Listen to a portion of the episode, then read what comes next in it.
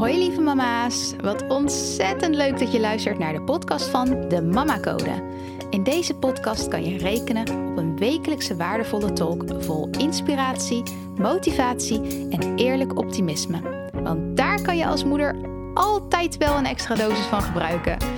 Hoe maak je voor jezelf het moederschap nou nog makkelijker en leuker? Luister naar deze podcast en doe er je voordeel mee. Let's go!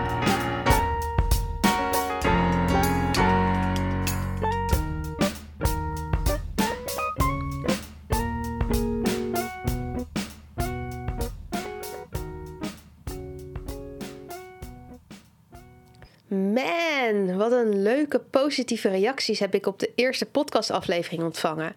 Echt enorm bedankt daarvoor. En ik vind het zo tof dat die reacties met mij gedeeld worden. En om te horen welke waarde jij eruit hebt gehaald. Ik ben al heel gemotiveerd om dit te doen. Maar dit is wel echt een enorme extra motivatieboost voor mij om door te gaan met waarde leveren. En zoals ik al deelde, heeft het veranderen van mijn mindset en het vergroten van mijn zelfliefde, het moederschap en eigenlijk mijn complete leven ten positieve veranderd. En dat ik dit dan op deze manier mag delen met andere moeders zoals jij, die dan hier ook weer heel veel positiviteit uithalen, dat is echt prachtig. Want dit straalt vervolgens door naar de mensen om jou heen, je kinderen en dus je gezin. En langzaam maar zeker heeft het zo het sneeuwbaleffect. Dus ik vind het wel leuk om even een paar reacties met je te delen. Ik kreeg bijvoorbeeld terug van een moeder: Bedankt dat jij dit bent begonnen. Ik had je al veel eerder nodig gehad. En een andere reactie was: Alleen al door je profiel te volgen hè, op Instagram ben ik aan het leren om op een andere manier te kijken naar bepaalde dingen. En ik kreeg ook terug: Jij inspireert mij om een nieuwe weg in te slaan. En dat is mega. Dat ik dit soort reacties zou ontvangen op mijn content en de podcast had ik nooit durven dromen. Of als ik eerlijk ben, is dat eigenlijk precies juist mijn droom. maar dat het ook echt dat effect heeft, wauw, ik ben er echt enorm dankbaar voor. Dankbaarheid is sowieso iets wat mij de afgelopen periode heel veel bezig heeft gehouden. En het is een heel groot onderdeel geworden van mijn nieuwe mindset. Zoals ik al eerder in de eerste podcastaflevering aangaf, uh, ben ik in de kern altijd dankbaar geweest voor het moederschap. En dankbaar voor mijn twee prachtige kinderen. En de liefde die ik voor hun voel is ongekend, met niks te vergelijken. Ik zou het ook voor geen goud willen ruilen.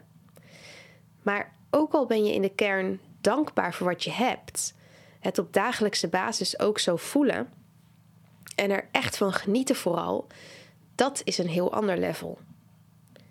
En al voel je die dankbaarheid diep van binnen wel, dat betekent dan nog niet dat je het op dagelijkse basis ook echt continu voelt en happy bent.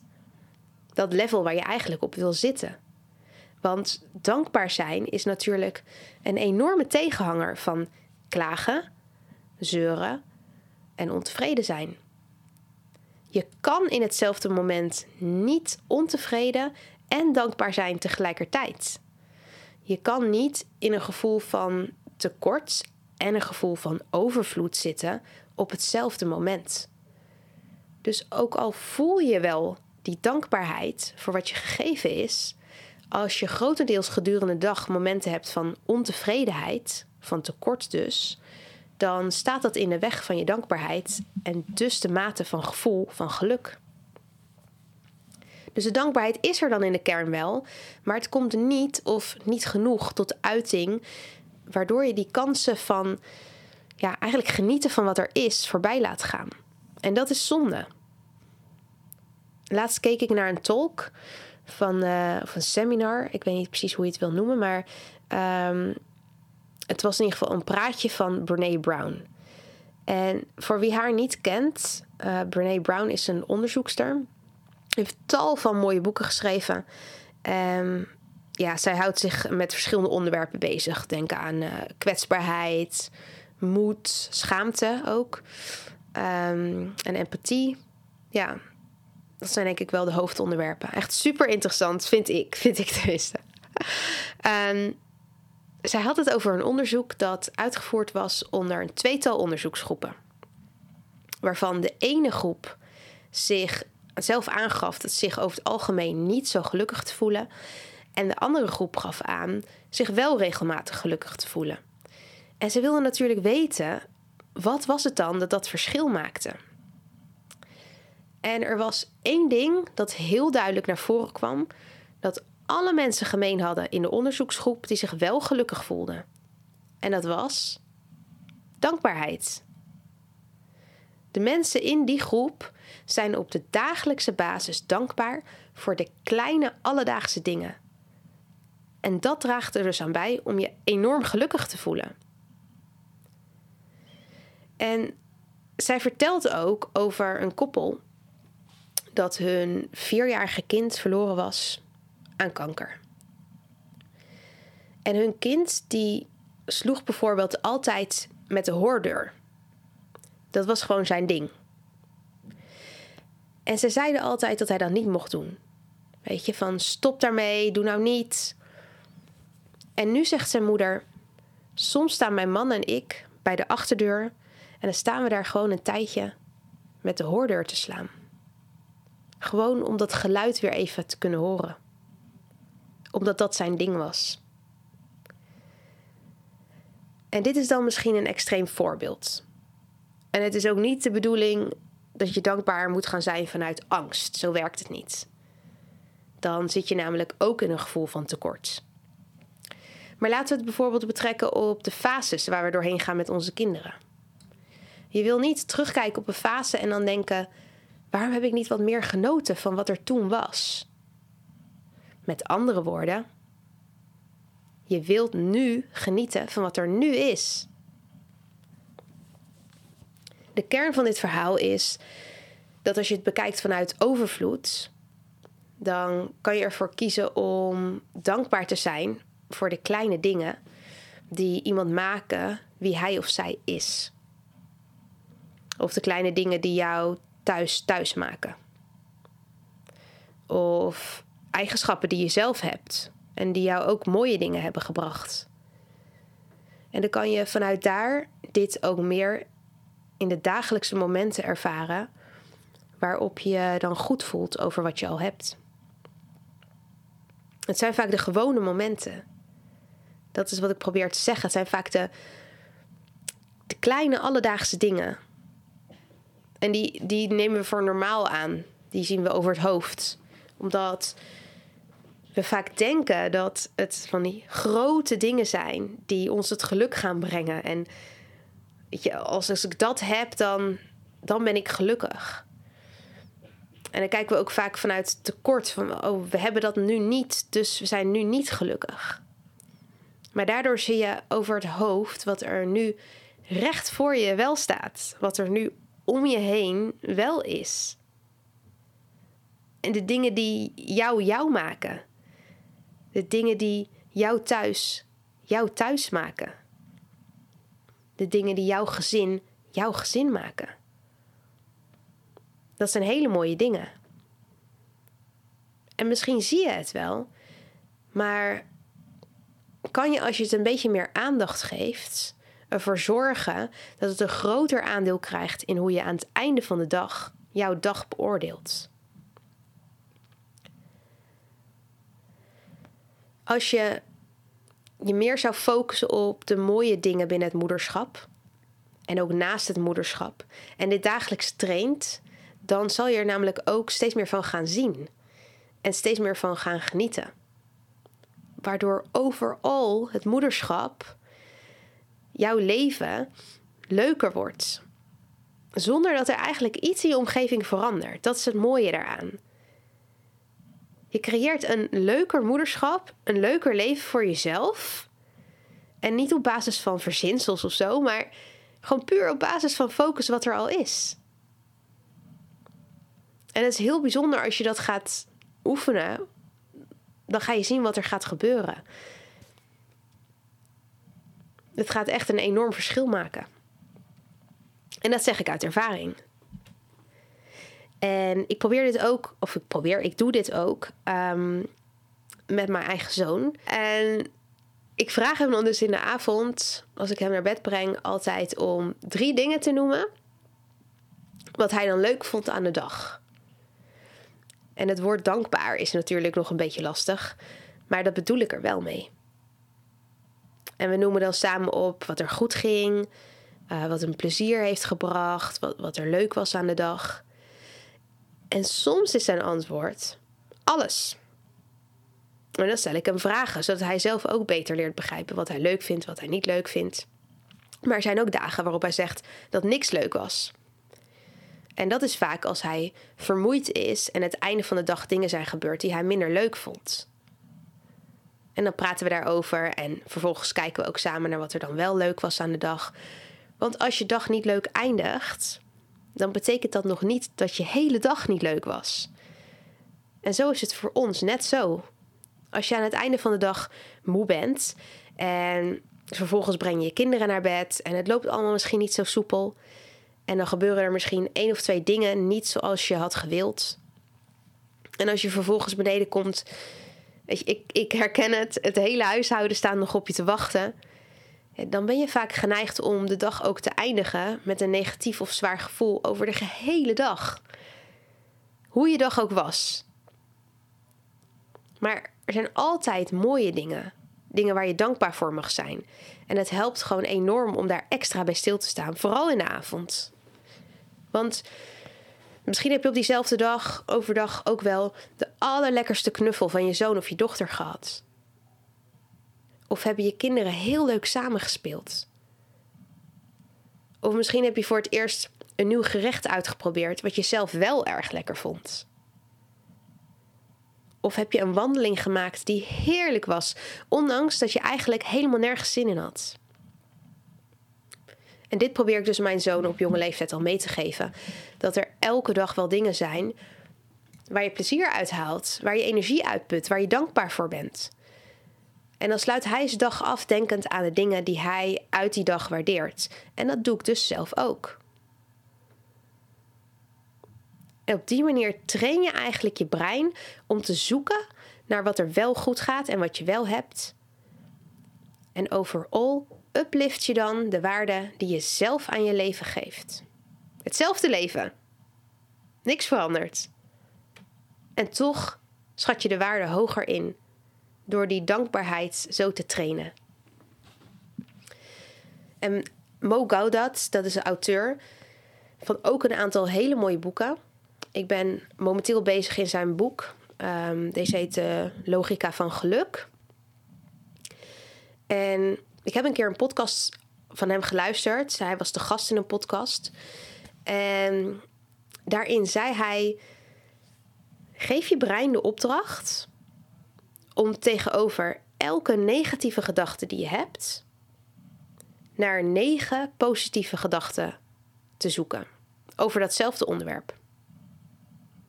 Probeer het maar eens. Want voor elk ene ding dat je kan vinden waar je ontevreden over bent, kan je ook negen dingen vinden waar je blij mee bent. En daarmee overrule je dus die ene negatieve gedachte. En Mo noemt dit ook vanuit de overtuiging dat tegenover 10% van wat niet goed gaat in je leven, zou het oneerlijk zijn om die andere 90% dat echt wel goed gaat voor je, geen credits te geven. Ik doe dit zelf op momenten dat ik merk dat ik meer naar het negatieve leun. Vannacht bijvoorbeeld um, stond ik aan het bedje van James, omdat hij wakker was geworden.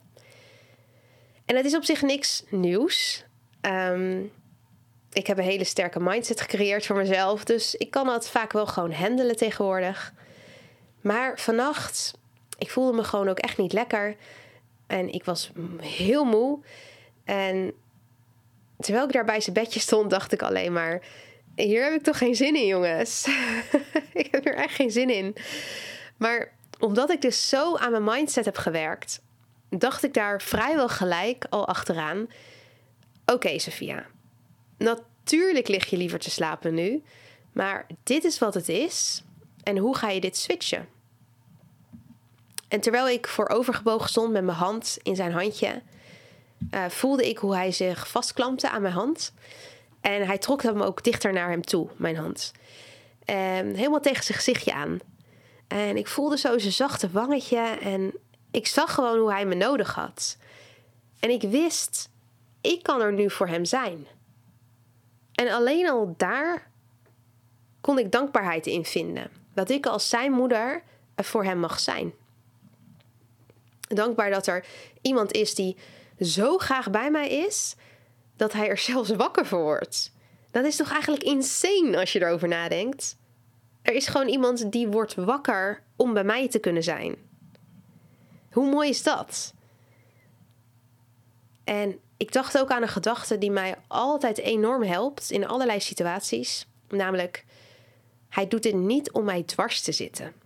Hij doet dit omdat hij me nodig heeft. En alleen al die gedachte maakt mij vaak veel kalmer en laat mij veel meer gefocust de situatie handelen. Omdat ik wel veel helderder zie wat de situatie eigenlijk is. En niet alles wat mijn gedachten ervan maken. En ik merkte dat hij rustig werd van mijn aanwezigheid, maar dat hij er eigenlijk nog lang niet klaar voor was om mij los te laten. En toen besloot ik hem op te pakken en mee naar ons bed te nemen, wat we eigenlijk altijd wel doen. En in ons bed eenmaal kreeg ik echt de meest lieve knuffels. Als hij in mij had kunnen kruipen, dan had hij het denk ik gedaan. Zo erg wilde hij bij me zijn. En al knuffelend vielen we lekker samen in slaap. En voor dit moment ben ik enorm dankbaar. Dankbaar dat hij zo graag bij mij wil zijn. Dankbaar dat ik die onvoorwaardelijke liefde van hem mag ontvangen. Dankbaar dat ik die onvoorwaardelijke liefde mag geven. Dankbaar voor ons bed, waar we heerlijk in konden slapen. Dankbaar dat we niemand in anders in het huis hadden wakker gemaakt. En dankbaar vooral dat ik in dat moment de moeder was die ik wil zijn. En dat is een keuze. En het is echt niet zo dat je overal blij mee moet zijn in je leven. Dat je al het negatieve maar moet blokken en in een sprookje moet geloven. Nee, het gaat erom als je merkt dat je overal meer ontevreden bent dan tevreden en je situatie wil veranderen, dan kan dit je daarbij helpen. Dankbaarheid voor de kleine dingen. Want dat maakt dat je meer tevreden gaat zijn over je leven. En hoe vaker je hier bewust bij stilstaat, hoe meer je je brein traint en hoe meer je zal zien dat het uiteindelijk vanzelf gaat. En ik denk dat dankbaarheid iets heel moois is. En hoe meer je gedachten daarop instelt, hoe meer het ook automatisch zal gaan en hoe meer je brein ook zelf op zoek zal gaan naar nog meer dingen waar je dankbaar voor kan zijn. Het is heel mooi hoe dat werkt.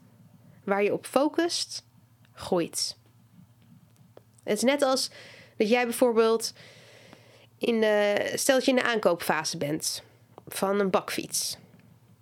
Of je hebt er net een aangeschaft, maakt niet uit. En dan zie je opeens overal moeders op bakfietsen verschijnen. En het is niet dat ze er eerst niet waren, maar jij zag het gewoon niet, want je focus lag niet daar.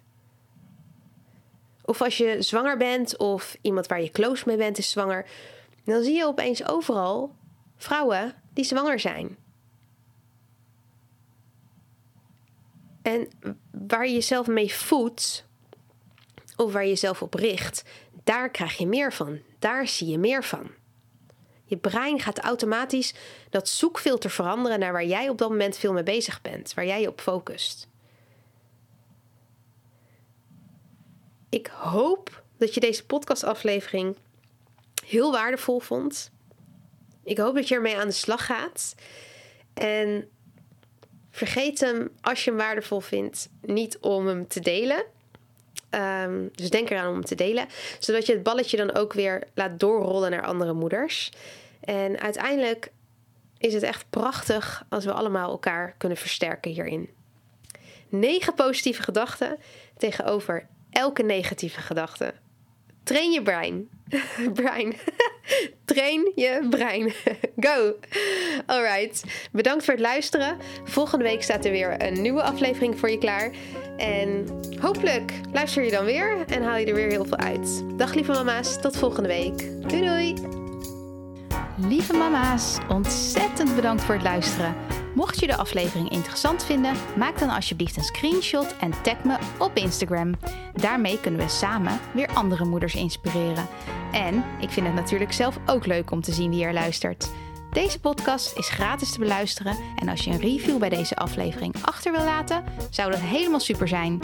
Zo vergroten we het bereik onder andere moeders. Heel, heel, heel erg bedankt alvast en tot de volgende keer.